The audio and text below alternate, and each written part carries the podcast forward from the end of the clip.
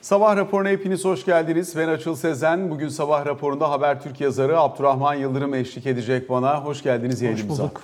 Şimdi dünden bu yana önemli gelişmeler var. Bir taraftan geçtiğimiz haftadan bu yana devreden e, Amerikan tahvil faizlerindeki yukarı yönlü hareket. Buradan sonraki süreçte tablonun nereye kadar gidebileceği yönündeki tartışmaları beraberinde getirmişti. E, Bununla ilgili önemli e, haber akışı olduğunu söyleyebiliriz. Bugün itibariyle tarım dışı istihdam verisi zannediyoruz piyasa açısından belirleyici olacak. Zira önümüzdeki dönemde Amerika'da e, Merkez Bankası'nın atacağı adımlar açısından önemli bir veri niteliğini taşıyor.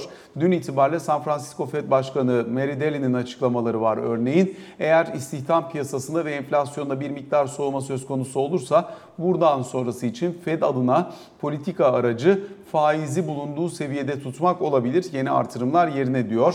Do- Dolayısıyla bu açıdan bakınca bugünkü istihdam verisi önemli. Ne bekleniyor? 160 bin civarında bir istihdam artışı. %4.3'ler civarında da bir yıllık gelir artışı. Dolayısıyla bu mimalle gelebilecek olan bir veri şu anki piyasa fiyatlaması neyse bunların burada kalmasını sağlayabilir gibi bir genel görüş var. Amerikan 10 yıllıkları 4.72'ler civarında fiyatlama buluyor. 30 yıllık tahvil faizi 4.88-4.89'larda.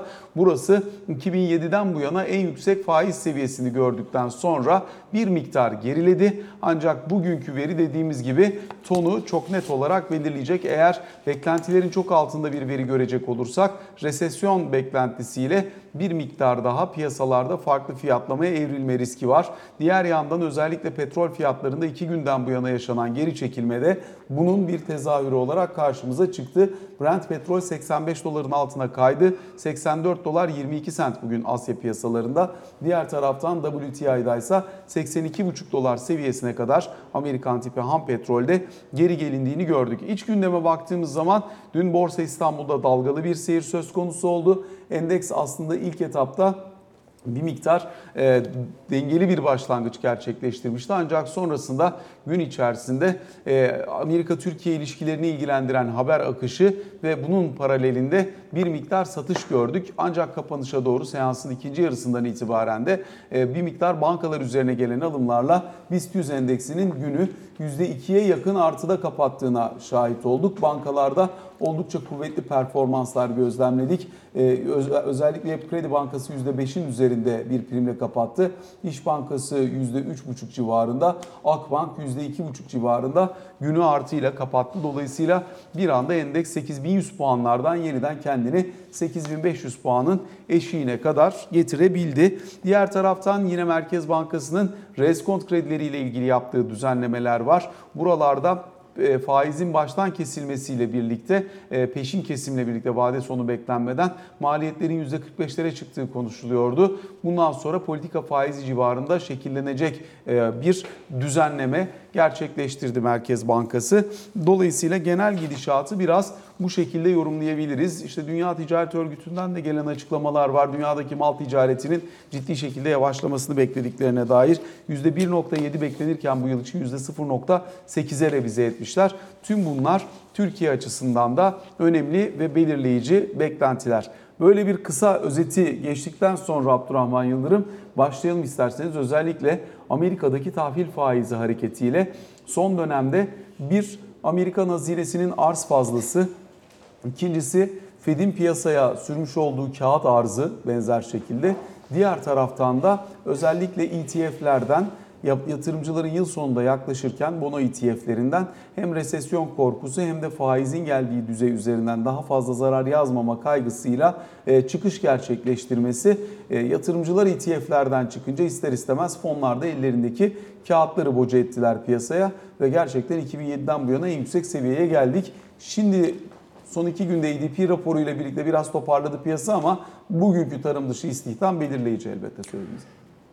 Evet, yönü konusunda çok fazla bir şey söyleyemem açıkçası. Yani daha da yukarı gitmesi tabii %5'in üzerine çıkması eee resesyon ihtimalini tetikler. Korkusunu tetikler, endişe yaratır. Dolayısıyla ona pek ihtimal vermiyorum. Yani buralarda bir dalgalanma hatta biraz gevşeme de olmalı diye tah, eee, beklerim. Eee, biraz da tabii enflasyon gelişmelerine bağlı. Enflasyon da Fed'in davranışını belirleyecek. Dolayısıyla Fed hani 2024 yılında bir faiz artırımı daha yapabilirim söyleminden biraz vazgeçmesi lazım bu enflasyon gelişmelerine göre ki o, katı e, tahvil piyasası biraz rahatlasın. Şimdi tahvil piyasaları hani çok da dikkatimizi fazla çekmez aslında ama dünya piyasalarının temel direği, temel yönlendiricisi. Bütün hesapların üzerinde yapıldığı bir piyasa. Ee, yaklaşık 60 trilyon dolarlık bir devlet tahvili var bu piyasada ve faiz oranları hakikaten yerinden oynadı. Yani yıla girerken bu 60 trilyon civarında seyreden tahvillerin ortalama faizi e, 3.73'tü. Son geldiğimiz şey yine Bloomberg'den aldığım veriyi 4.30, %4.30 ortalama. Yani bunun içerisinde Türkiye kağıtları da var herhalde. E, dolayısıyla e, burada baktığımız zaman %15 artış. %15 artışın portföylerde yaratacağı şeyi düşün. Yani 60 trilyon yani en azından trilyon dolarlık zarar yazdırmıştır. Faiz artışı mevcut portföylere.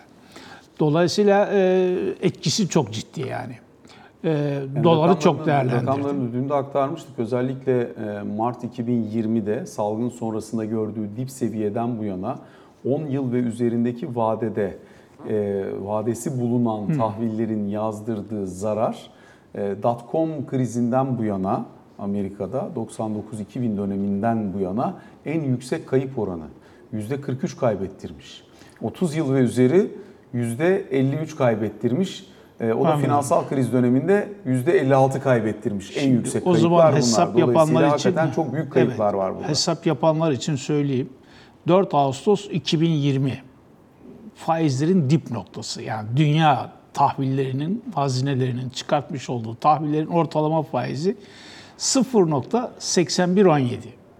Amerikan 0.81. 30 e, yıllıklarının işte 0.30'lara düştü Evet, dönem evet, evet. Oradan 4.30'a geliyor.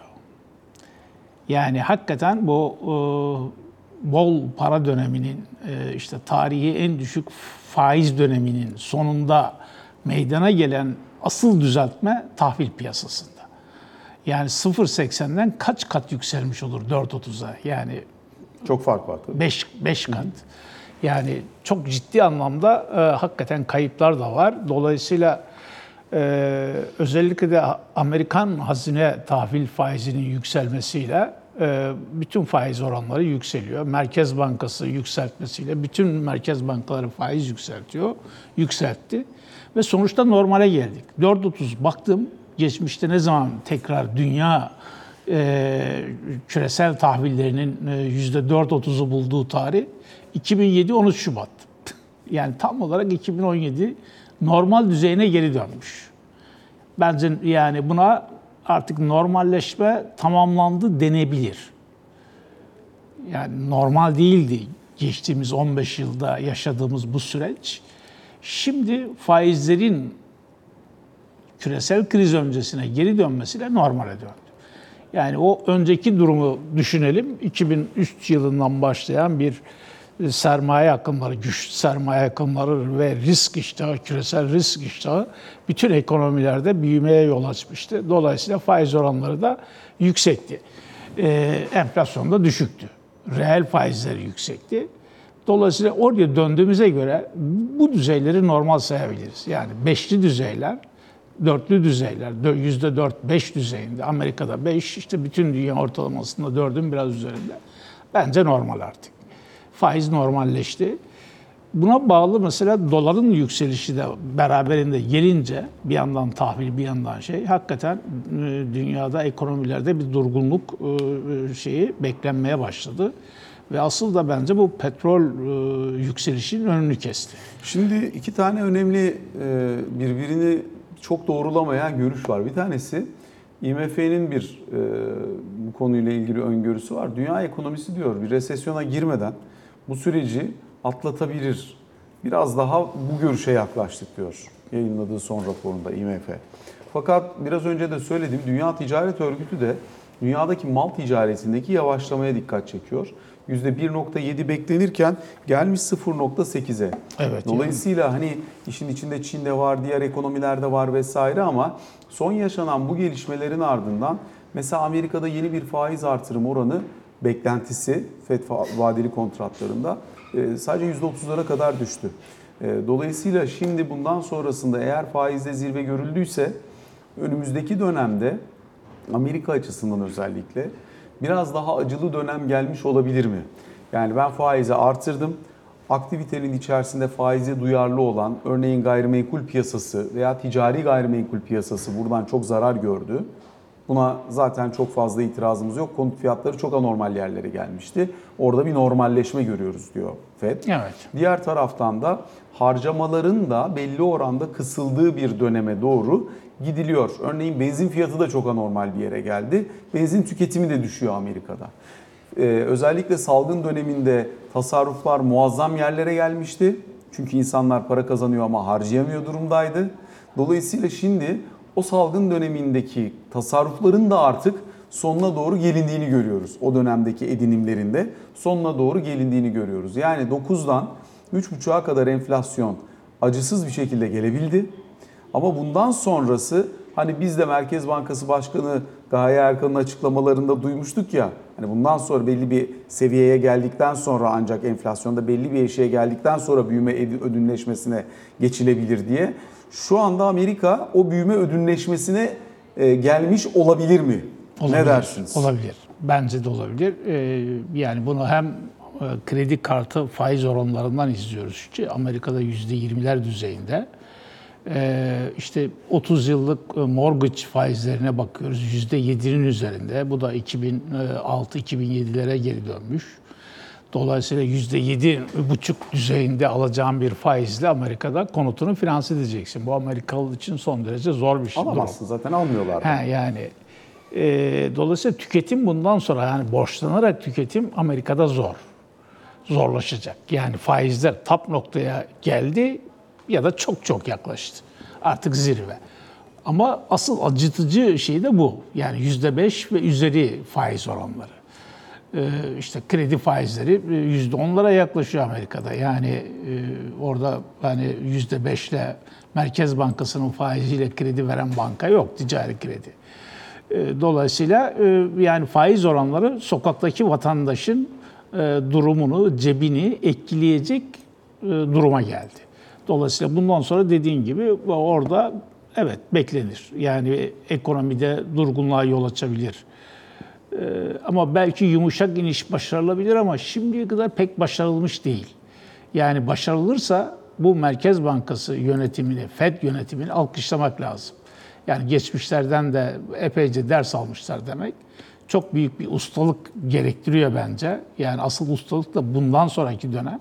Yani şimdiye kadar hani faiz artırman gerektiği çok netti. Artırdın. Ama bundan sonra enflasyonda 3.7'ye gelmiş manşet enflasyon ama çekirdek enflasyon daha yüksek. 4.3. E, çekirdeği nasıl düşüreceksin? Yani direnç çekirdek enflasyonda.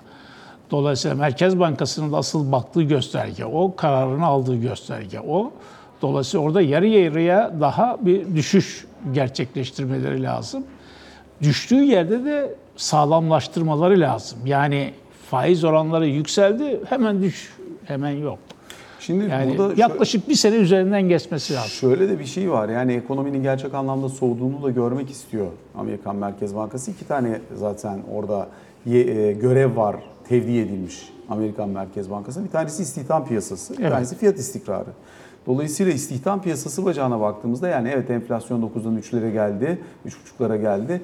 Daha aşağısı için e, Amerikan Merkez Bankası diyor ki davranışı düzeltmemiz lazım. Fiyatlama davranışındaki bozulmayı düzeltmemiz lazım.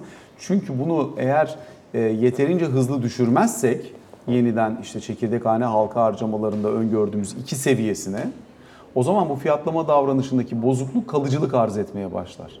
O zaman enflasyon kemikleşir 3,5'lar civarında ve biz öngördüğümüz ikili seviyelere dönemeyiz. Dolayısıyla daha agresif kalmaya devam edeceğiz söyleminin perde arkasında bu var. İkinci bacağı ise ekonomide o soğumayı hani belli başlı parametrelerle görüyoruz ama istihdam piyasasında hala görmüyoruz. Yılbaşından bu yana şimdi baktım Amerika'da tarım dışı istihdam üretimi aylık ortalaması yılbaşından bu yana 236 bin hala. Fazla. Dolayısıyla 150 hala kuvvetli, hatta hala her ay 150 ve altına Tabii, inmesi lazım. Hala her ay düzenli olarak 200-250 bin arasında istihdam üreten ortalamada bir Amerikan ekonomisi var. Son bir yıllığı da hemen hemen buraya denk geliyor. O yüzden hani buradaki soğumayı biraz daha net de görebilmek için koşulları, finansal koşulları biraz daha sıkılaş- sıkılaştırmaya çalışıyor. sıkılaştırabilir. Evet.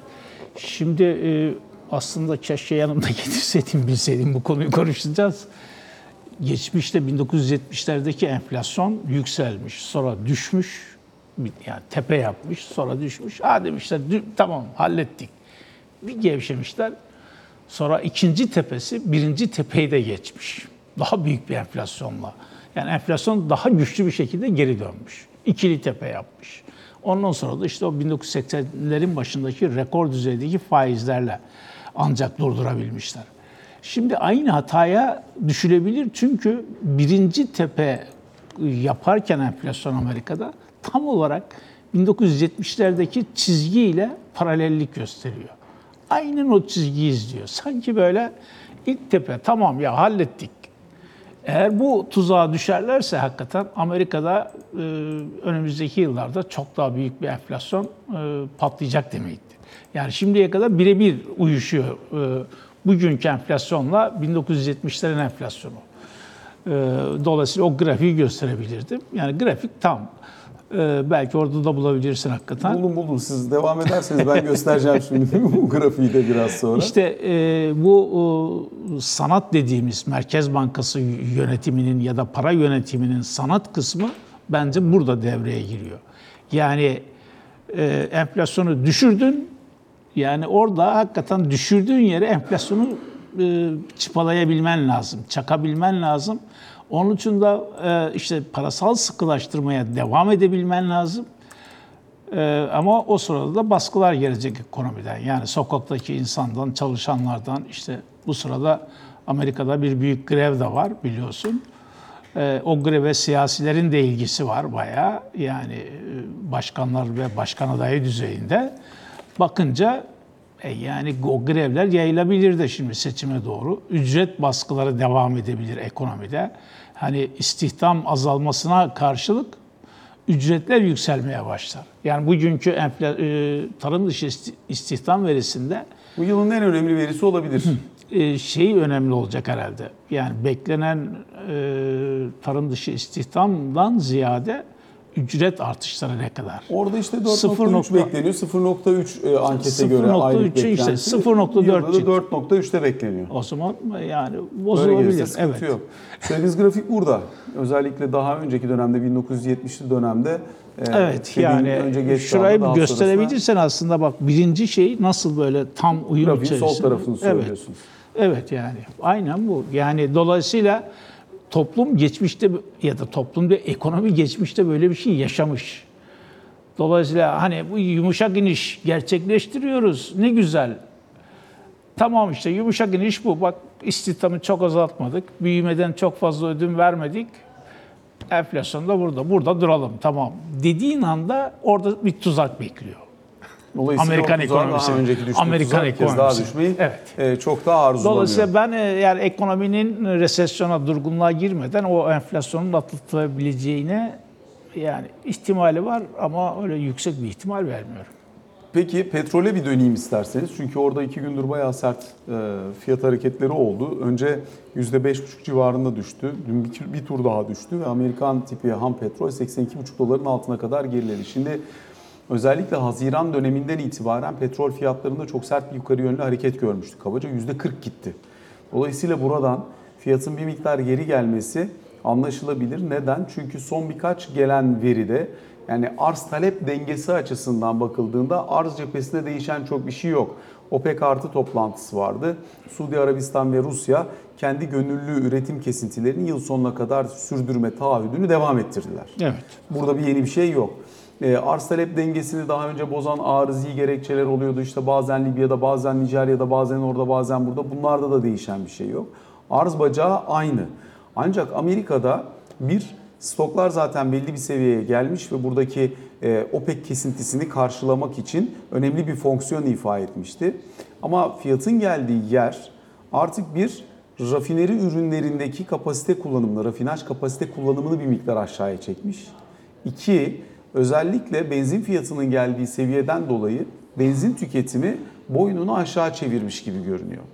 Bunu görünce piyasa özellikle son iki günde zaten de %40 gitmiş olan petrol fiyatlarının bir miktar düzeltmesini yapma ihtiyacı hissetti anladığımız kadarıyla. Çünkü resesyon fiyatlaması gelecekse o petrol fiyatı da orada kolay kolay kalamayabilir diye. Bir de yani işte petrol hani depolamaya dayalı.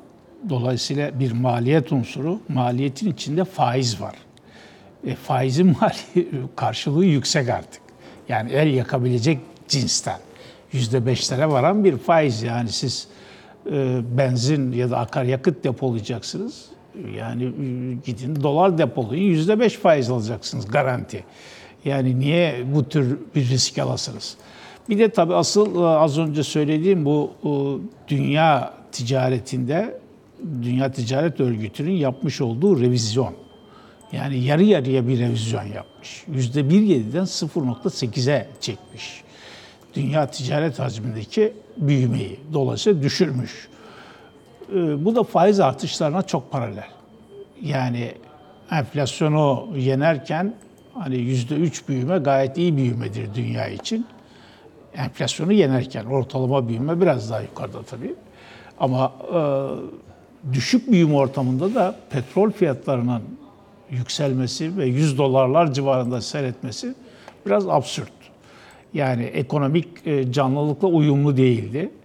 Ancak e, jeopolitik gerekçelerle ya da işte ülkelerin manipülasyonuyla açıklanabilir bir durumdu.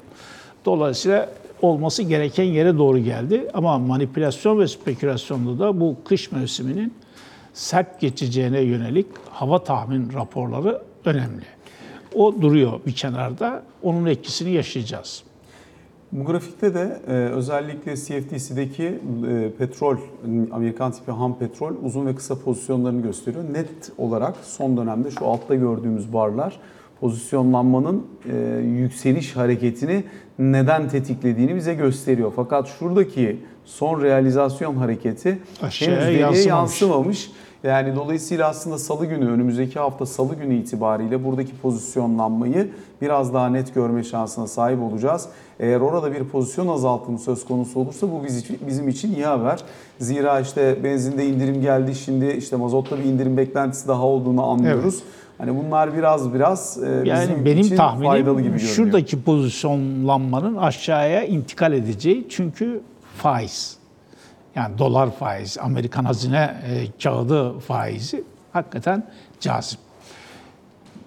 Dolayısıyla bundan da kaynaklanıyor Evet, olabilir. yüzde, yüzde ikilik reel bir faiz var. Yani yüzde üç enflasyon, yüzde beş Amerikan e, faizi. Yani bu hakikaten e, ciddi bir şeydir, avantajdır ve bunu kullanırlar ekonomik aktörler. Peki şimdi müsaadenizle kısa bir araya gidelim. Aranın ardından biraz daha Türkiye odaklı konularla yeniden karşınızda olalım.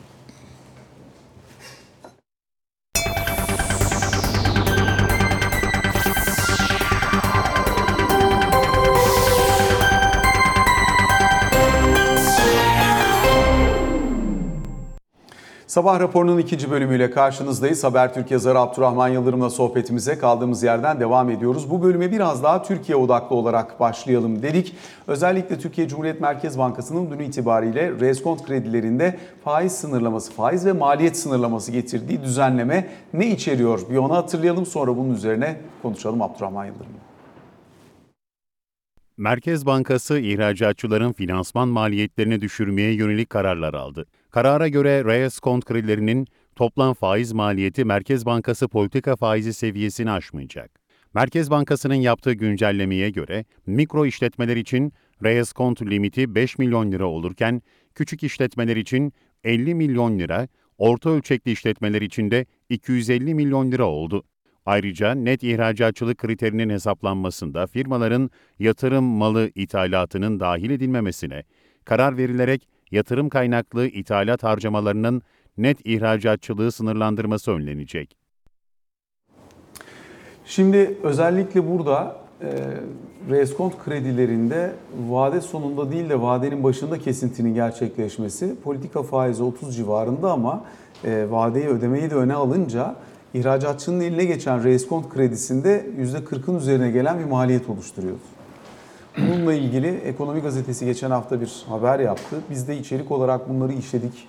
Özellikle e, gelen sanayicilerden de e, özellikle hazır giyim sektöründen de bununla ilgili çok fazla eleştiri gelmişti. Bize de son 2-3 hafta içerisinde yayınlarda.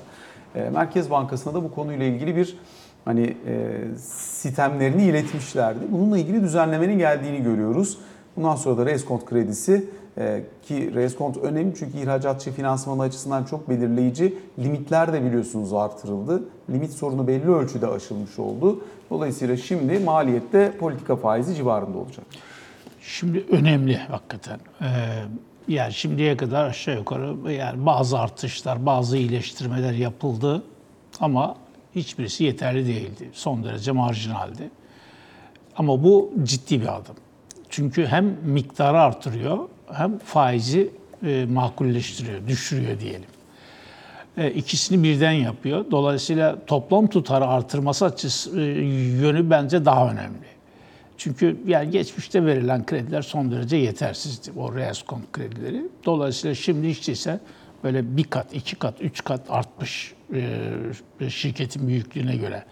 Küçüklere daha fazla olmak üzere. Dolayısıyla ben bunu önemsedim e, ihracatçıyı en azından finansman yönüyle e, desteklemek de demeyelim ama rahatlatmak anlamında ciddi bir adım. Sonuç verir. E, bizim ihracatçımız da son derece hakikaten sıkışık bir durumda. E, Güneydoğu Asya'nın e, amansız rekabeti ki o rekabetin arkasında devlet destekleri de var. Özellikle Çin'de var yani. Ee, dolayısıyla rekabet edemiyorsun. Yani e, adam satabileceği bir fiyatı bulana kadar fiyatı düşürebiliyor. Bir de nakliye fiyatları çok ucuz olduğu için bu dönemde e, dolayısıyla Avrupa e, özellikle Türkiye'nin ihraç ettiği bölge olarak Avrupa uzak doğuya döndü. Dolayısıyla en çok zorlanan sektörümüz konfeksiyon ve tekstil oldu. Bu anlamda atılan adımı önemli buldum belki biraz daha üzerine ilave edilebilir. Yani kur yoluyla biz çünkü daha çok e, teşvik dediğimiz mekanizmayı çalıştırmak istiyorduk sanki. Yapılan tartışmalar ve kamuoyuna yansıması bu yöndeydi. İhracatçıların da isteği bu yöndeydi. Ama ne kadar kuru artırırsak enflasyonun o kadar arttığını da gördük, yaşayarak gördük. Dolayısıyla e, önümüzdeki dönemde de sanki Türk lirası artık değerlenme sürecine girdi ve buna devam edecek gibi görünüyor. Seçimin de etkisiyle. Dolayısıyla madem ki kur yoluyla destek çok veremeyeceğiz ihracatçıya o zaman finansal yönden işteyse böyle bir desteği sunalım diye çok yerinde bir karar alınmış durumda. Şimdi tabii e, özellikle ihracatçının dün akşam radyoda da sizinle bunun üzerine bir miktar değerlendirme yaptık. Hatta e, bu konuyla ilgili çeşitli görüşler de geldi. Özellikle son dönemde bir sanayide kullanılan elektriğin fiyatına gelen zam, işte sanayide kullanılan doğalgazın fiyatına gelen zam, aynı zamanda pazarların başta Almanya olmak üzere daralmaya başlamış olması Türk sanayi açısından bir de işçilik ücretleri de tabii çok evet. E, ciddi şekilde artıyor. Yani maliyetlerin önemli ölçüde yukarı geldiği bir dönem yaşıyoruz. Bunu marj olarak kaldırabilen sektörler var. Marj açısından bunda zorlanan sektörler var. Tekstil, hazır giyim, konfeksiyon burada marj açısından bayağı zorlanır duruma gelmiş gibi görünüyor. Buralarda bir miktar işten çıkarma olduğunu da duyuyoruz, evet, anlıyoruz. Evet, Dolayısıyla e, ne dersiniz bu tarafı için işin? İşte bu tarafa ayrıca başka önlemler düşünmemiz lazım galiba. Çünkü e, şeyin ne kadar devam edeceğini tam kestiremiyoruz. Yani Uzak Doğu Asya'nın rekabetinin e, o güçlü rekabetin ne kadar devam edebilecek? E, işte navlunlar ne kadar düşük kalacak? E, kalır ise yani işçilik oralarda biraz daha ucuz olabiliyor bazı ülkelerde. Yani Çin'de Türkiye'den belki biraz daha yüksek ya da Türkiye ile aynı düzeyde. Ama Çin'de ayrıca devlet teşvikleri hakikaten daha yüksek.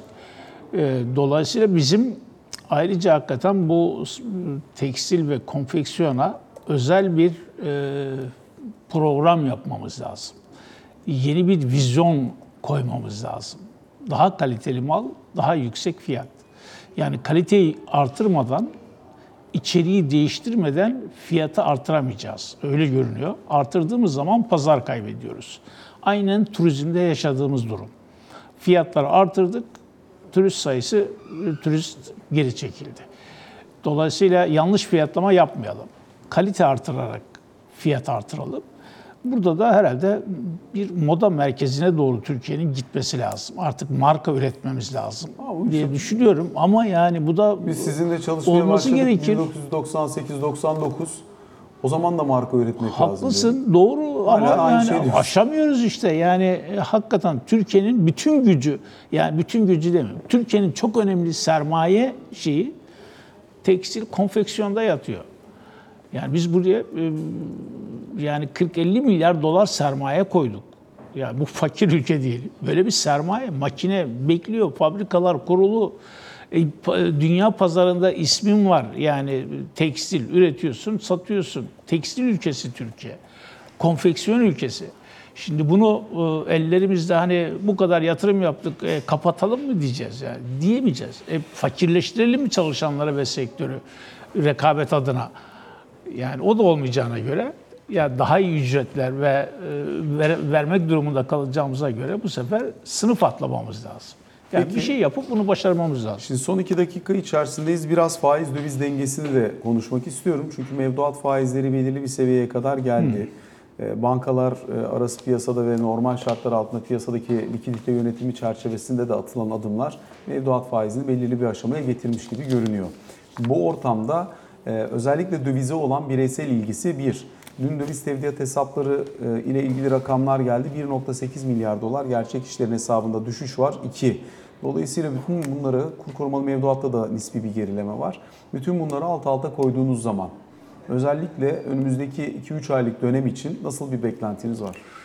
Şöyle, e, şimdi e, dün itibariyle açıklanan veriler gösteriyor ki 3 aylık mevduatta %46 faize çıkmışız.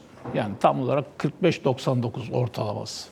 Demek ki %48 veren de var, %42 veren de ortalaması bu. Şimdi %45'in 3 ay sonraki e, gerçekleşecek faizi 10.1 dönem faizi.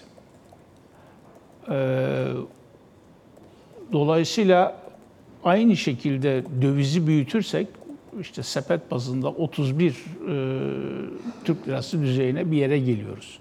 Pariteye göre dolar daha aşağıda olabilir, euro daha yukarıda olabilir ama yıl sonu için konuşuyorum. Dolayısıyla insanların bunu ölçmesi lazım. Yani yıl sonunda dolar ya da döviz 31 lira olur mu? Geçer mi? Olur ise bunu karşılayabilecek Türk lirası faizi var. Yani bankadan gidip bunu alabilirler hakikaten. 3 aylık mevduat yaparlarsa e, bunun dönem getirisi rahatlıkla bu dönemde beklenen enflasyonu da karşılıyor. Yani beklenen enflasyonla %61,5 olan enflasyon %65'e çıkacak. Bunun tutması şartıyla.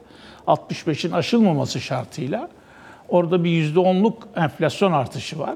Dolayısıyla bu %11'lik e, faiz rahatlıkla işte onun bir puan üzerinde e, reel, çok küçük reel bir e, getiri sunuyor. E, yani dövizle faiz arasında zor bir seçim bence. Yani e, ben yine de Türk lirasının değerlenme sürecine girebileceği tahmininden hareketle sanki Türk lirasına geçmeye başlarım. Yani bu düzeyden bu %46 faiz fena değil. E, bu düzeyden geç, geçilebilir. Teşekkür ediyoruz Abdurrahman teşekkür Yıldırım. Yorumlarınız için ve sabah raporuna böylelikle son noktayı koymuş oluyoruz. Hoşçakalın.